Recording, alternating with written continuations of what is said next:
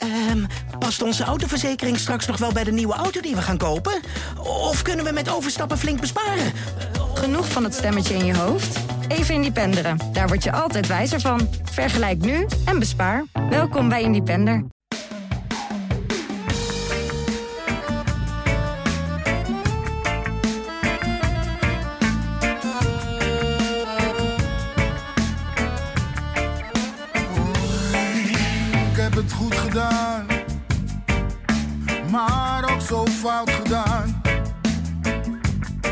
Als ik terugkijk in de tijd,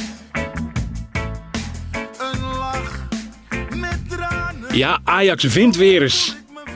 Maar daar was ook eigenlijk alles wel een beetje mee gezegd. Volendam Ajax 2-4. Maar het had bijna 3-3 geworden in een nogal turbulente slotfase. eh, waarin eh, de moed de Ajaxiden toch weer een beetje in de schoenen zakte. Schreuder moest reageren op de gebeurtenissen van de afgelopen weken.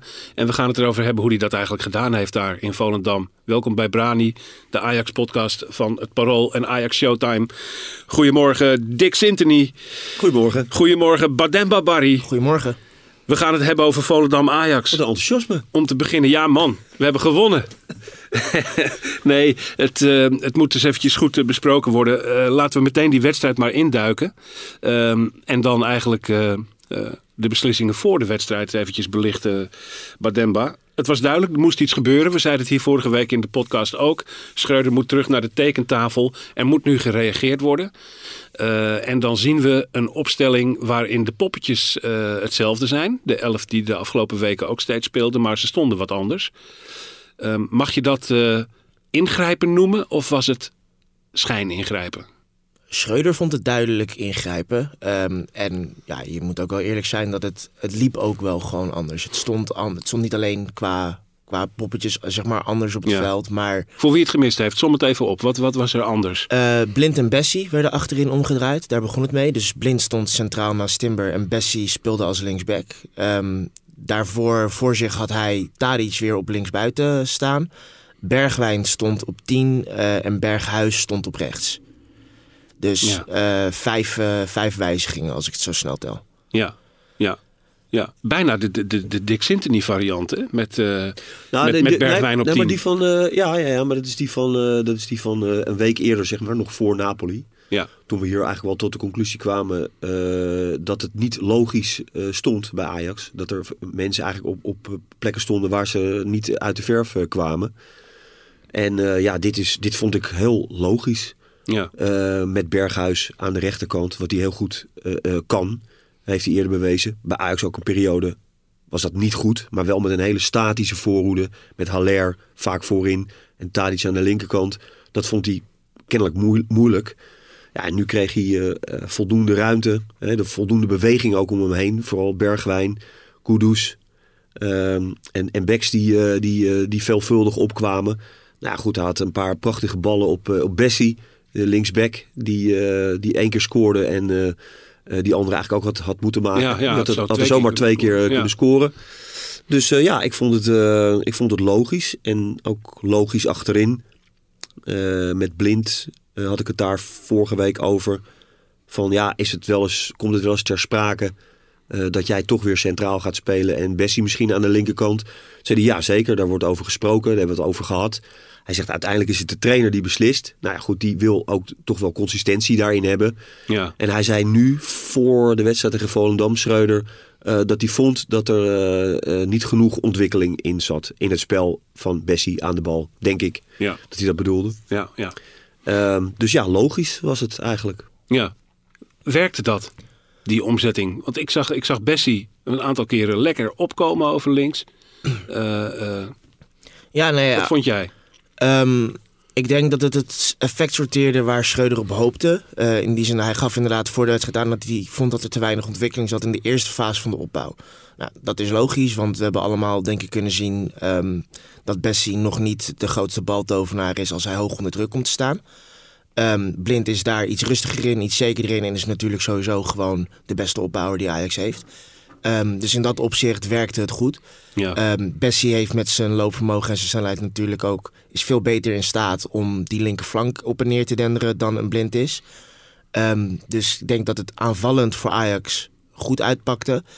Ik denk wel dat je verdedigend... en daar had Schreuder eh, in principe natuurlijk een terecht punt van tevoren. Die zei van tevoren, ja, Blind is misschien kwetsbaarder... maar als je goed bent aan de bal, dan hoef je niet kwetsbaarder te zijn... Ehm, maar je zag wel dat eh, in de uitbraken dat je met Bessie centraal achterin ten opzichte van Blind wel verdedigende power eh, ingeleverd hebt. Ja, duelkracht. Ja. Pure, ja. De implicaties daarvan voor de opstelling die Ajax tegen Napoli het veld in moet sturen, daar gaan we het zo nog over hebben. Dat komt, eh, komt later aan de orde. Ehm, die defensieve zekerheid, Dick. Je ziet dat eh, natuurlijk aan het einde van de wedstrijd klapt Ajax eigenlijk in elkaar en gaat eh, Volendam er min of meer overheen. Eh, maar ook in de eerste helft had Volendam al dikke kansen. Ja. Wat is daar verdedigend precies aan de hand? Wat zit er mis? Nou ja, nog steeds te veel mensen voor de bal in eh, sommige gevallen. En dan kom je of eh één tegen één achterin te staan, of soms zelfs in een ondertal. Ja, dat is gewoon niet, dat is niet, niet de manier van spelen die Ajax moet hebben. Daarvoor zijn ze gewoon niet goed genoeg aan de bal.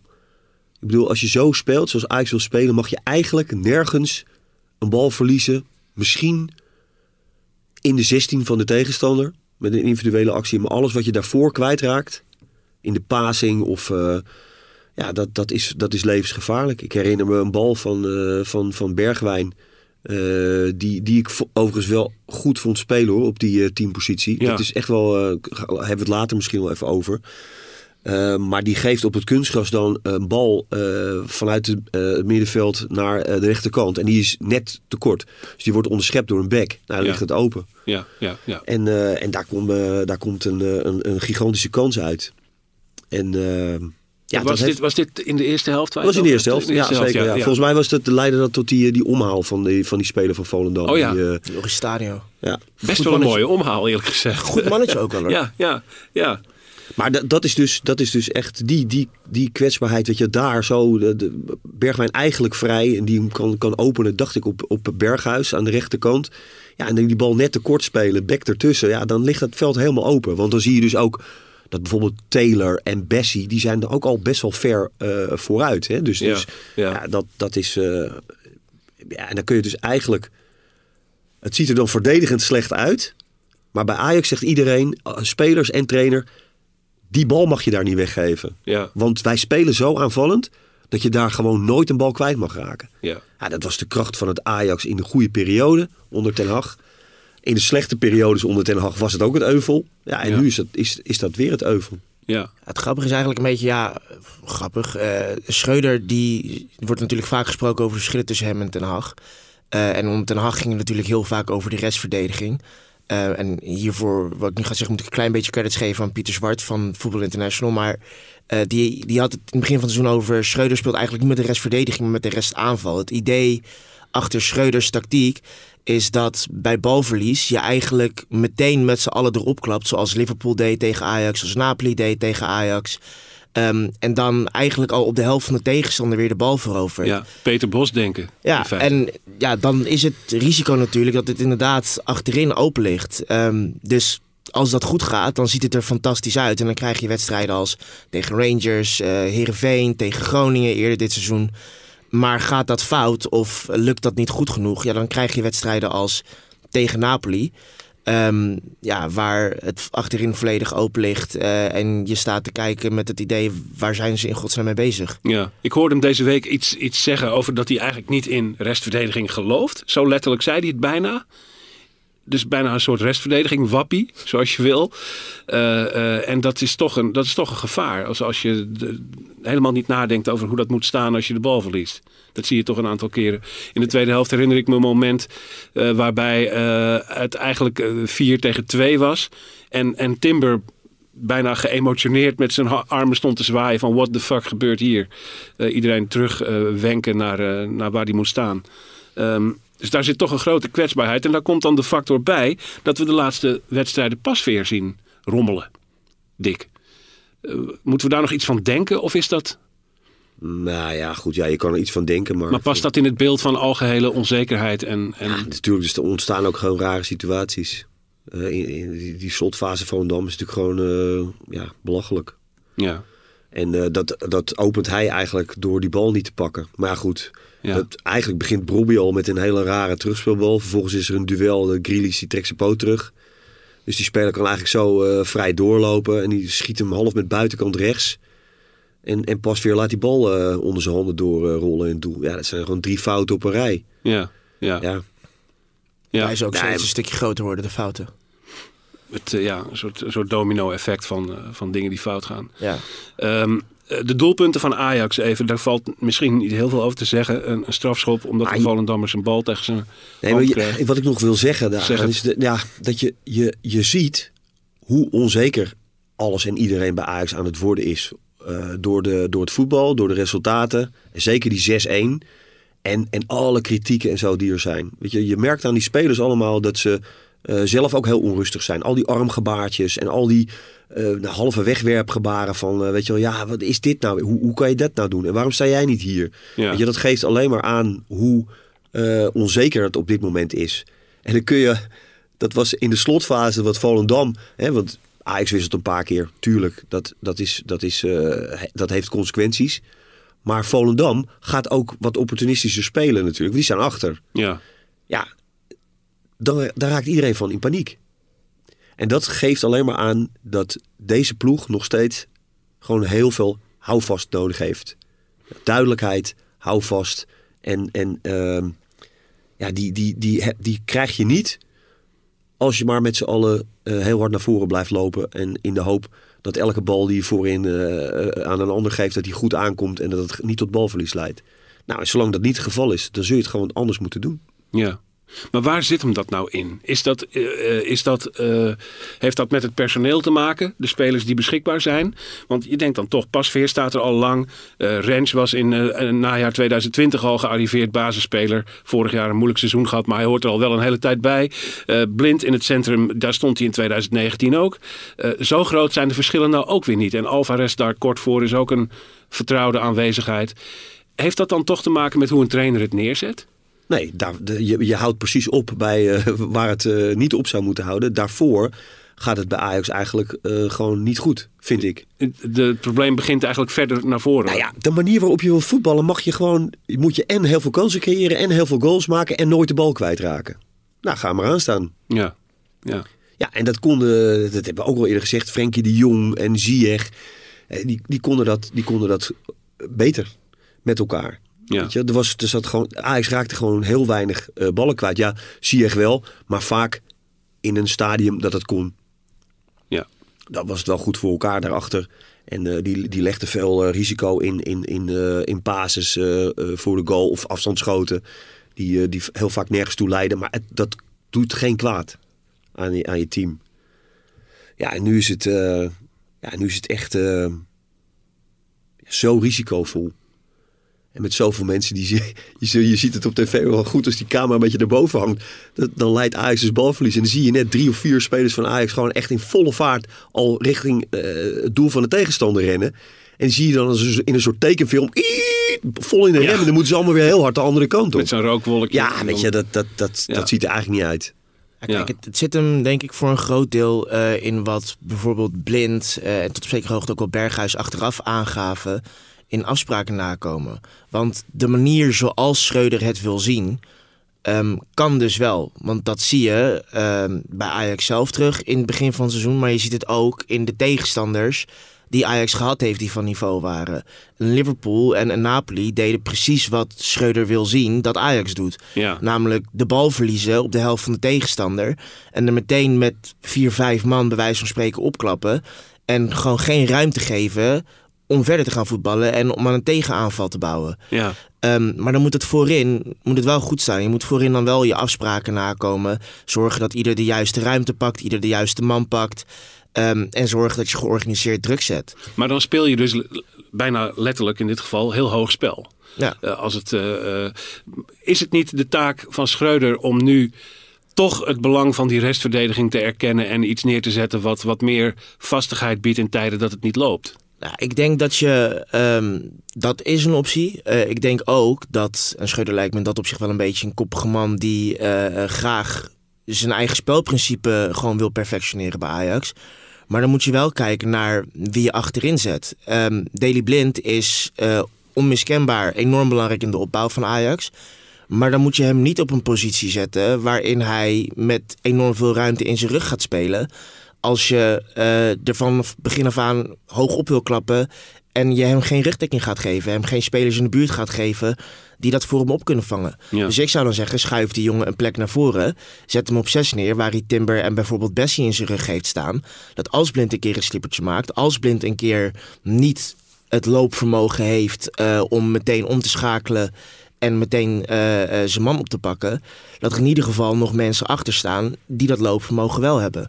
En dan kan je blind in een soort schöne rol, bijvoorbeeld eh à la 2018-19, kun je gewoon aan de bal laten en daar zijn ding laten doen. En dan is hij nog altijd, denk ik, de beste speler in dat opzicht die je hebt. Ja. Ja. Dus je, kunt wel, je moet wel, denk ik, kijken naar wie wil ik daarvoor op welke positie gebruiken. Ja. We kijken zo verder naar wat dit betekent voor die wedstrijd tegen Napoli. Eh, ik wil eerst even naar de, naar de fase van de ineenstorting. Zeg maar. Ajax neemt de leiding, een strafschop, eh, een, een mooi doelpunt van, van eh, Bessie... die een prachtige voorzet van Berghuis inknikt.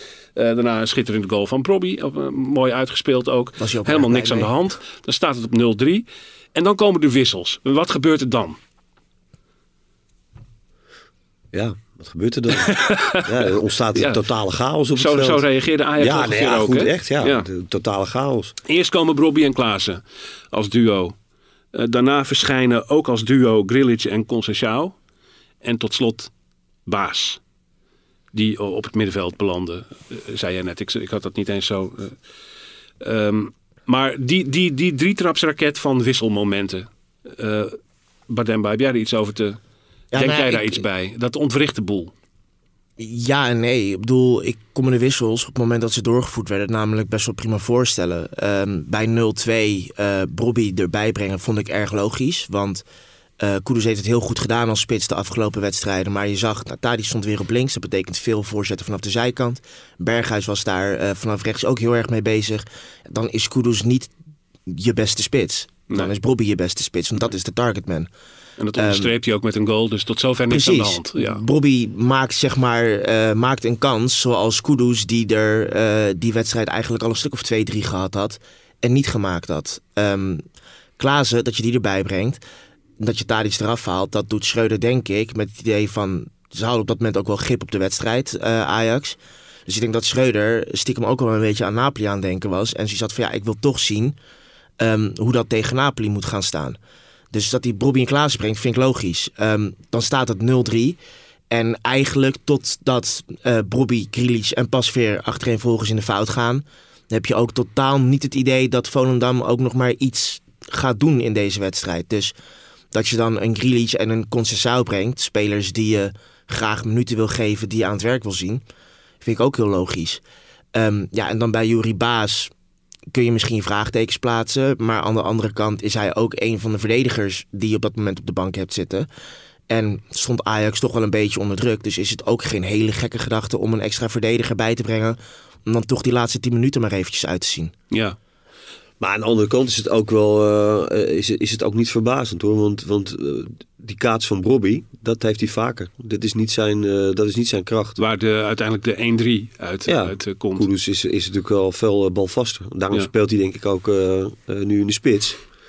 Die, eh, die raakt zo'n bal veel minder snel kwijt. En, en, en ja, dat, dat duel van Grealish is natuurlijk ook gewoon eh, ja, zo slap. Dus ja, in zoverre zijn die wissels natuurlijk wel, eh, spelen ze wel een rol. En die spelen zeker een rol daarna. Als Volendam echt denkt, hé, hey, er valt hier misschien nog wel wat te doen. Ja, dan zie je echt, eh nou, Ajax echt een totale chaos uiteen, eh, uiteenvallen. Ja. Dus, bij de, eh, bij de, de 2-3 was het dan van Karel Eiting. Mooie goal. Lekker resoluut geschoten met links. Maar hij stond teruggelegd wel pam. echt veel en veel en veel te Daar vrij. staat ongeveer iedereen vrij van Volendam op dat moment. Hè? Ja, Daar gebeurt... eh, eh, Ja, maar dat komt omdat er gewoon vijf eh, andere spelers in het veld staan... en eigenlijk niemand meer precies weet wie nou wie in de gaten moet houden. Volendam doet natuurlijk ook wat, weet je. Die spelers gaan ook allemaal op een andere plek lopen. Veel mensen voorin. Dus ja, dat zeg ik. Er ont- dus ont- ont- ontstond een grote chaos. ja. Maar goed, het is wel schril contrast met, met daarvoor. Want Bademba zei... ehm, Ajax natuurlijk eigenlijk wel prima voetballen. En zeker ja, de eerste fase van de tweede helft. Ja, dan zag je, dan zag je wel weer... ehm, ja, dan zag je wel weer voetbal terug van, eh, van voor de nederlaag tegen Liverpool eigenlijk. Ja.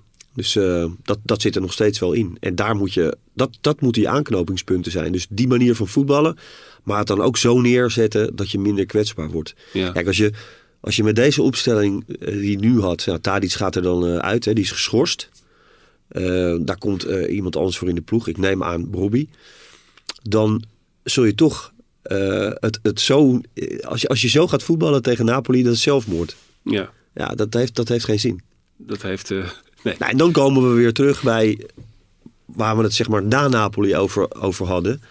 Ja, dat je, dat je de team gewoon iets meer zekerheid moet, moet bieden. Ehm, en ja, dat je spelers eh, eh, op de plek moet neerzetten waar ze goed uit de voeten kunnen. Ja. Beter dan, dan ze tot nu toe laten zien. En eh, ja, volgens mij is dat, is dat echt in een, in een soort eh, 5-3-2 eh, formatie. Of 3-4-3, hoe, je het, hoe je het noemen wil. Ja. Met iets meer zekerheid achterin. En veel vrijheid voor je twee spitsen. En heel veel voetbal op het middenveld. Om die bal maar niet kwijt te raken. Maar er zijn 5-3-2 en 3-4-3 wel twee wezenlijk andere systemen. Want de een speel je met twee spitsen, de ander speel je met, met drie. Dat- eh, maar, dat, ja, kan, maar dat kan ook dat driehoekje zijn. Waar de, Ja, dat is het. voorwaartse, zeg Dat is maar. ja, dan, ja dan, dan zou je het meer hebben, denk ik, over een, over een 3-5-2. Want dan heb je het echt over iemand die als 10 opereert. Ja. Als je 3-4-3 speelt, dan zou je zeg maar, nog met, met vleugelspelers echt spelen. Dus dan zou je bijvoorbeeld Bergwijn op links en Berghuis op rechts. Ja, maar als je, als je, als je daar Klaassen neerzet, is de middenvelder. Dat doet Van Gaal ook. Als je Klaassen daar neerzet, dan wil hij balans op het middenveld. En als je Gakpo daar neerzet, dan wil hij een aanvaller daar zien. Dat kan Ajax ook doen. Als je Bergwijn daar neerzet, is het een aanvaller. Dan speel je eigenlijk met drie aanvallers. Alleen die, alleen die speelt wel op het middenveld. Om, om Volendam even af te ronden, een, een min of meer psychologische vraag eh, die ik eh, wil opwerpen. Eh, we zien Volendam eh, 3-3 maken. Eerlijkheid gebied te zeggen, je ziet wel meteen dat hij afgekeurd gaat worden. Dat, dat, dat was vrij helder. Daarna maakte Ajax 2-4. Eh, een, een laatste kwartier van chaos en ineenstorting. Hoe stapt Ajax het veld af? Eh, Dick gebruikt het woord aanknopingspunten. Zal Ajax zelf gevoeld hebben dat het een wedstrijd was waarin 75 minuten lang toch echt wel aanknopingspunten waren? Of is dit eigenlijk een nieuwe dreun? Hoe, hoe is dit ervaren? Ik proefde uit Schreuders woorden proefde ik heel erg het eerste. Ik denk dat die eh, eh, voor zichzelf in ieder geval heel tevreden is geweest over de eerste 75 minuten. Ehm, bij de spelers merkte ik toch wel irritatie. Als je blind, als je eh, Berghuis bijvoorbeeld na afloop voor de camera zag staan, die baalde toch wel zichtbaar van. Nou, vooral het laatste kwartier. eh, tijdens de wedstrijd ook wel bepaalde dingen die dan niet altijd even soepel lopen. Maar ik denk en ben bang dat dat laatste kwartier dat dat toch zwaarder mee gaat wegen dan je zou willen. Ja, ja. Dick, iets hervonden of dieper in de shit, psychologisch gezien? Nou, ik denk geen van tweeën. Ik Pas op de het- plaats. Het is egaal. Iets- wel, dus eh, ja, ze zijn. Ze, nou, maar goed, ze zijn natuurlijk ze zijn blij eh, met, eh, met, met gewoon weer een overwinning. Wat ze natuurlijk wel aanstand verplicht zijn. En, en, en dat is er gekomen. En nou goed, het eerste, de eerste, nou, het eerste uur laten we zeggen, op het kwartier, eerste kwartiertje na, maar eerste uur, vijf kwartier waren goed. Behoorlijk. Eh, en de la- laatste fase was echt dramatisch. Ja, Ja, en nu is het, eh, nu is het zaak om eh, met een heel goed strijdplan te komen. eh, met z'n allen. Want wat er nu is gebeurd is natuurlijk ook gewoon uit de gesprekken met spelers naar voren gekomen. De opstelling zoals tegen Volendam, dat is natuurlijk niet alleen Schreuder. Die treedt altijd in, in gesprek met zijn spelers. Dus die zullen daar ook een, een, een, een goede rol in hebben gehad. Wat zij daar allemaal van vonden. En dat zullen ze nu richting Napoli nog een keer moeten doen. ja, ja. En ik denk dat ze, ja, ze hoeven niet zo heel veel eh, te veranderen. Ik denk dat ze deze elf spelers waar ze mee begonnen, eh, mi- minus Tadic, eh, daar komt denk ik Bobby voor in de plek. Ja, dan kun je het met twee kleine omzettingen, kun je diezelfde elf spelers in het veld zetten. ja. Berghuis weer terug naar het middenveld. En daar dan hopelijk niet zelfmoord mee plegen. En Alvarez naar de laatste linie. Ja, En dan, ja, ik, ik, eh, dan ben ik heel benieuwd. ja, ja. Dus dan krijg je Brobby, Kudus en, eh, en Bergwijn eh, voorin. Bewegelijk is het zeker. Ja, bewegelijk en sterk. In dus, potentie, ja. ja. Even Tadic Tadic-gate. Eh Bademba, eh, we hebben Tadic aan de zijlijn zien gesticuleren, schreeuwen, gillen, coachen, aanmoedigen. Eh, en daar eh, werd veel over gezegd. Valt er eigenlijk veel over te zeggen? Heb jij er iets over te zeggen? Ik vind het eigenlijk een stormig glas water. Ehm, ik, eh, ik hoorde op de. Ik had er zelf eigenlijk totaal nog niet zo aan gedacht. En pas toen op de persconferentie achteraf de vraag aan Schreuder gesteld werd: van snap je dat dit voor beeldvorming misschien vragen op kan roepen? Had ik zoiets van ja. Ja, als je er zo over wil nadenken, dan kan ik me voorstellen dat je er zo over gaat nadenken. Ja. Maar ik zag het niet. Ik zag het niet uit mezelf, laat ik het zo zeggen. Dick? Ik moest heel erg denken aan eh, de EK-finale 2016. Portugal-Frankrijk. Met, eh, Ronaldo. Ja, Cristiano Die ook, eh, Ronaldo. Ja, ja, Die, die nam het echt helemaal over. ja. En eh, die werd daar, en na de wedstrijd ook, eh, ze wonnen natuurlijk, werden Europees kampioen. Werd voluit geprezen door eh, Fernando Santos, die, eh, de bondscoach. Die vond het echt geweldig ja. wat, eh wat Tadic allemaal deed. Maar die, eh, ja, ik, ik ben het wel met Bademba Wat eens hoor. Het is wel een beetje, eh, sto- ja, wat zei ik dan? Je zei Tadic, wat Tadic deed. Die Ja, wat. Ronaldo, ja, wat Ronaldo deed. Sorry, en Tadic Ja. is eigenlijk precies hetzelfde. Ik ben het wel eens met Badem, maar het is ook wel een beetje storm in een glas water. Kijk, als, als Tadic in het veld staat, dan zijn de camera's niet altijd op hem gericht. Maar die doet hij in, in het veld ook de hele tijd. Ja. Wijzen, roepen, schreeuwen, mensen op een plek zetten. Ja, dat gebeurt dan buiten het beeld van de camera. En nu eh, ja, wordt hij volgevangen omdat hij daar met een, eh, met een, met een met zo'n trainingsjack aan staat. En dan, En, en Schreuder een paar meter links ervan. en het is misschien ook wel goed, want, de, rest, er de, erg- de rest zit gewoon op de bank en doet niks. Dus Ja. misschien is het ook wel een beetje... Ik moest er heel erg om lachen op de een of andere manier. Ik vond het, ik vond het eerlijk gezegd wel gewoon eigenlijk mooi. Ja, het wordt pas vervelend als hij op een gegeven moment eh, ook gaat wisselen. Tadic. Dat hij zegt van, "Kom, ga jij maar even warm lopen. Kom, kom er maar uit. Pietertje, kom maar even wisselen, jongen. Oh, heerlijk dit. Storm in een glas water. We pakken even een ander glaasje water erbij. Namelijk Jong Ajax, Bardemba. Ja. Eh, dat is dan eigenlijk even het- het bruggetje, de overgang naar, eh, naar het onderdeeltje Napoli. Daar gaan we het zo over hebben. Eh, maar eerst even Jong Ajax. Ook daar houdt het niet over momenteel. Want 0-1 verliezen van Helmond Sport. Daar springen wij niet vanuit de panty. Nee. Hè? Vertel. Ja, nou, kijk, allereerst denk ik de belangrijke nuance. eh, vorig jaar had Jong Ajax ook een best wel lastige start. En toen zag je dat gaandeweg eh, eh, bijvoorbeeld een Regeer, een Univar, een zekere mate Hans stonden op. En namen dat team op sleeptouw. Maar daarin noem ik ook wel een aantal jongens die in het seizoen daarvoor... en sommigen ook al het seizoen daarvoor al keukenkampioen-divisie ervaring hadden. Nu heb je ook wel lichtpuntjes ertussen lopen. Ik noemde Missehoy eh bijvoorbeeld vorige keer dat ik hier was. Eh, nou, je hebt ehm, eh, achterin Olivier Aartsen rondlopen die het goed doet. Je hebt Milovanovic die prima speelt. Alleen het zijn allemaal jongens die voor dit seizoen waarschijnlijk bij elkaar een handvol keukenkampioen-divisiewedstrijden gespeeld hadden. Als je totale minuten ook op gaat tellen. Dus het is wat dat betreft is het ook belangrijk om in acht te nemen dat die jongens 17, 18 jaar zijn en tegen volwassen kerels van 30 plus spelen. Een echt Jong Ajax. Een heel erg jong Ajax. Eigenlijk gewoon Ajax onder 19 als Ja. dat nog had bestaan. Ja. Ehm, dus dat is een belangrijke nuance. Wat me opvalt eh, en wat ik eh, ja, eh, grappig vind om te zien, zeg maar, is dat het heel erg een reflectie is van Ajax 1. Mm, We hebben gezien dat Ajax 1 heel veel moeite heeft met ploegen die ze fel onder druk zetten. Maar op het moment dat ploegen besluiten om zich te gaan ingraven, zoals AZ het laatste half uur deed, zoals Go Ahead Eagles in de arena deed, heeft Ajax ook de grootst mogelijke moeite om daar doorheen te spelen en dat open te breken. En dat zie je eigenlijk ook de laatste paar wedstrijden terug bij Jong Ajax. Eh, Ze speelden uit bij PEC Zwolle. Zwolle begon toen heel erg fel, zette Jong Ajax vol onder druk en had nou, binnen het eerste kwartier al drie, vier eh, goede kansen.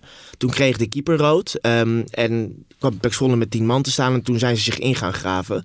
En eigenlijk zag je dat Jong Ajax wel veel meer balbezit kreeg logischerwijs, maar nog steeds niet lukte om nou tot echt grote uitgespeelde kansen te, te komen. En toen moest de uiteindelijke 1-1 moest ook komen van een, een ja, momentje van genialiteit van, van Nienson... die eh, de bal van 25 meter mooi inkrulde. Ja. En ja, eigenlijk miste dat kleine stukje individuele genialiteit... miste vrijdag tegen Helmond Sport. Want Helmond begon ook heel fel, kwam binnen één minuut op, op voorsprong al. Heeft daarna een kwartier lang, tien minuten kwartier lang... hebben ze best wel fel en hoog druk gezet.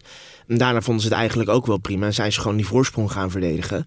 En je merkte dat Jong Ajax daar gewoon met allebei de dingen heel veel moeite had. En ja, op beide manieren er eigenlijk niet doorheen kwam. En kregen ze op het laatst kregen ze nog wel wat kansen. Dan moet je ook een beetje geluk hebben. Maar ja, ik vind het opvallend dat, dat zowel bij jong Ajax als bij Ajax 1 dus eh, toch tot problemen lijkt. Dus misschien dat hij de Gauw Schreuder de kop een keer bij elkaar moeten gaan steken. En kijken of ze samen tot een oplossing kunnen komen. Even een goed gesprek. Maar het is zo moeilijk, vind ik, om eh, bij jong Ajax eh, om dat als team eh, te beoordelen. Omdat het, het blijft natuurlijk een experimentenelftal. Het is geen, het is geen team eigenlijk. Ja, het is wel een team en er wordt ook wel een teamprestatie verwacht. En er moet ook wel een manier van spelen in zitten die ook overeenkomt met het eerste elftal, het liefste. Ja. Maar het is ook wel een. een je, je kan als, als club ook het risico nemen met een bepaalde speler op een bepaalde positie die je waarin je ontwikkeling wil zien, Ja. die verzuipt. En dan laten ze zo'n speler ook vaak verzuipen. Om hem daarna met beelden erbij eh, te confronteren en te zeggen van kijk, jij denkt dat je er al bent, maar moet je zien wat hier allemaal gebeurt. Ja. Dus dan, en dan beoordeel je een teamprestatie, terwijl eh, Ajax eigenlijk gewoon individueel met spelers eh, aan de slag is.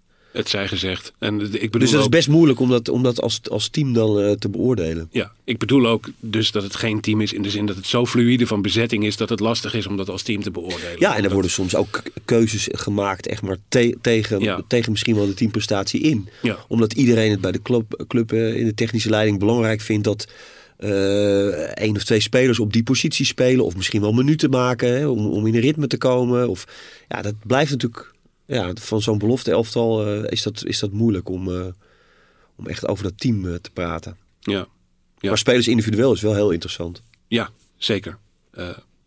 Maar dat gaan we nu niet doen, want we gaan het nog heel even over Napoli hebben.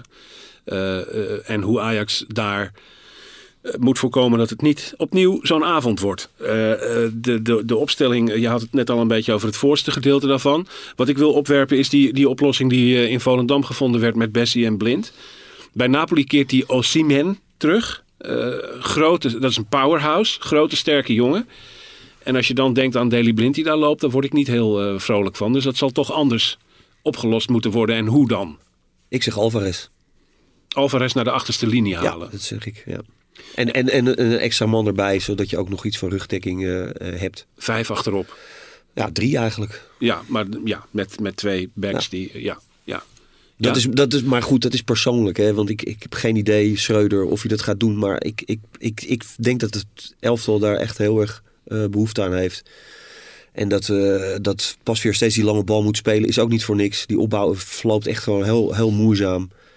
Ehm, en eh, ja, daarom zou ik gewoon drie hele sterke spelers voorin zetten. Met veel beweging en veel vrijheid. Brobbey, Kudus en Bergwijn. Dat, ja, denk ik.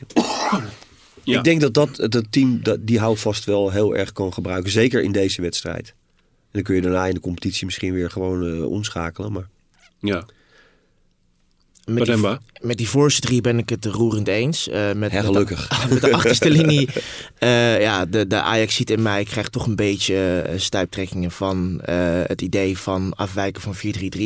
Daar ja, kan, kan ik heel principieel en misschien ook wel conservatief in zijn. Maar ik denk ook niet dat Ajax dat nodig heeft nu, drie achterop. Oké. Eh, het gaat mij eigenlijk vooral om de bezetting.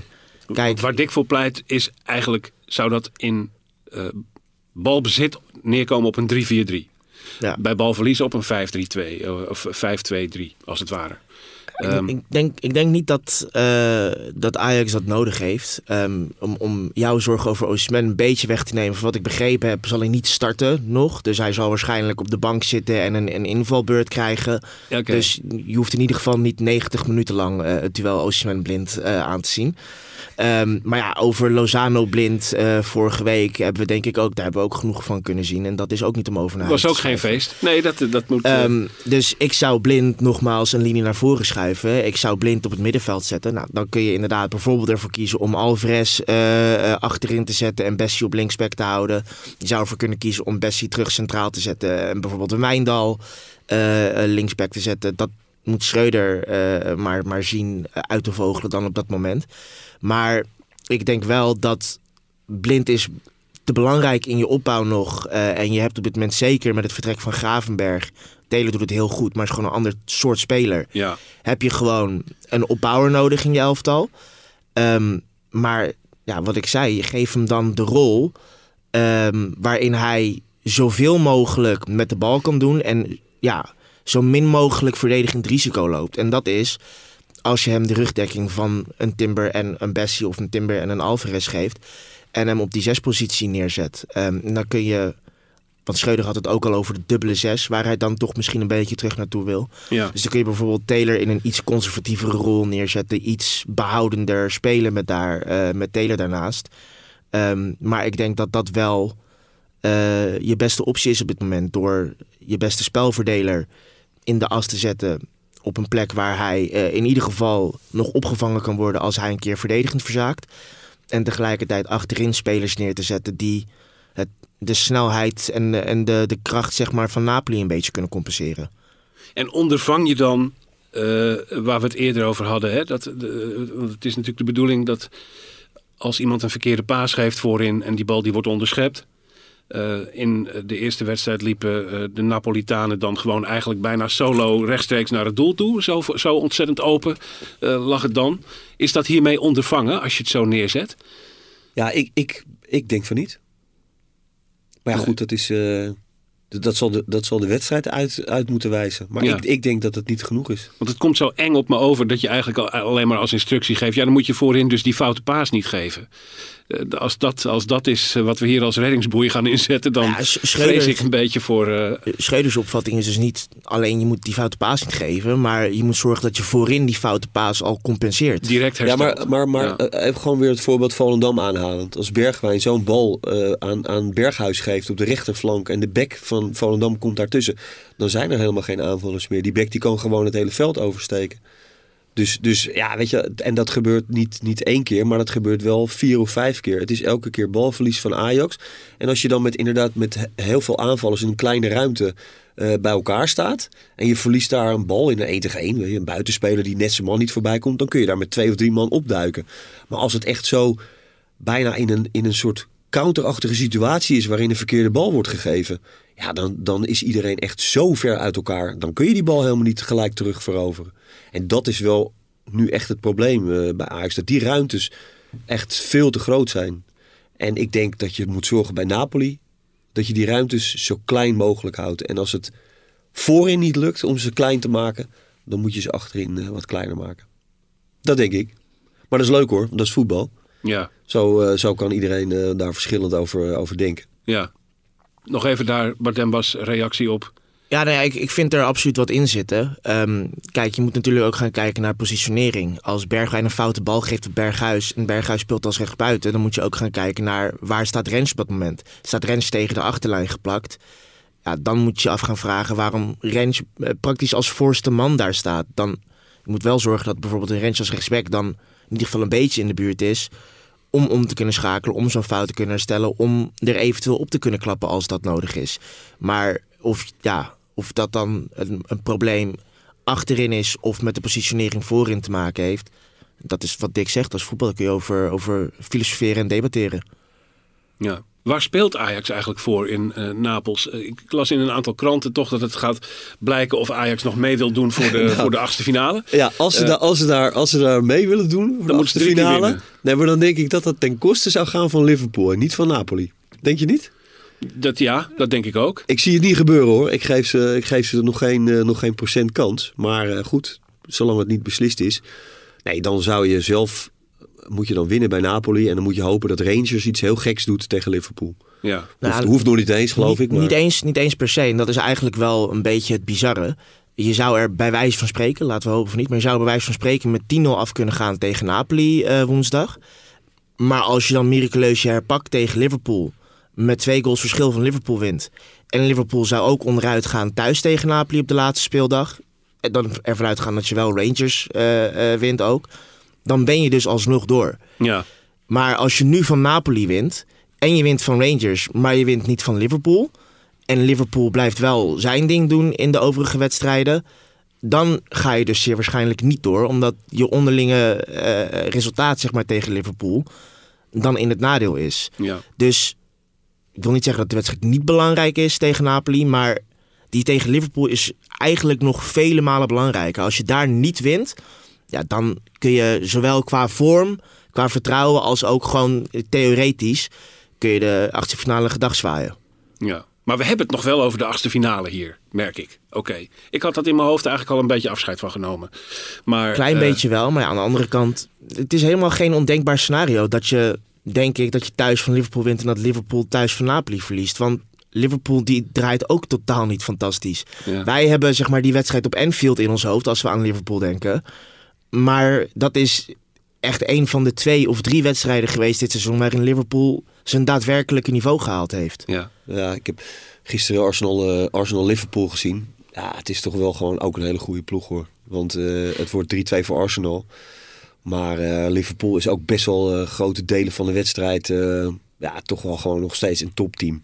ja. Dus ja, het is, het is eigenlijk onbegonnen werk om nog eh, de achtste finales te halen. Maar ja, hoop doet leven. Hoop doet leven. Pak thuis een kladblaadje en een pen en schrijf even voor jezelf uit wat Bademba hier allemaal zei. Want het blijft toch een curieuze situatie Het, in eh, de Champions League waar onderling resultaat boven doelsaldo gaat. Het komt later deze week nog op eh, Ajax Showtime op papier uitgewerkt. Dat is een Dus, nog veel eh, betere tip. Dat is naar Ajax Vroeger Showtime. hadden we Tony Bruin Slot daarvoor. Hè? Die, eh, als je dan eh, in de voorbereiding op zo'n wedstrijd. eh, dan spraken we Tony altijd even aan. En die legde dan eh, keurig uit met allerlei eh, rekenformules. dat het allemaal goed zou komen. Heel goed. Tony, in de geest van Tony gaan we voetballen tegen Napoli. Eh, ik dank jullie voor jullie komst. Dankjewel Bademba, dankjewel Dick. 90 minuten lang zijn wij misschien een heel klein beetje bang. Eh, Napoli, Ajax dinsdag. En de ochtend na die wedstrijd is er een extra brani. Waarin we napraten over die wedstrijd en hoe het verder moet. Dankjewel voor het luisteren. Brani de podcast is snel terug.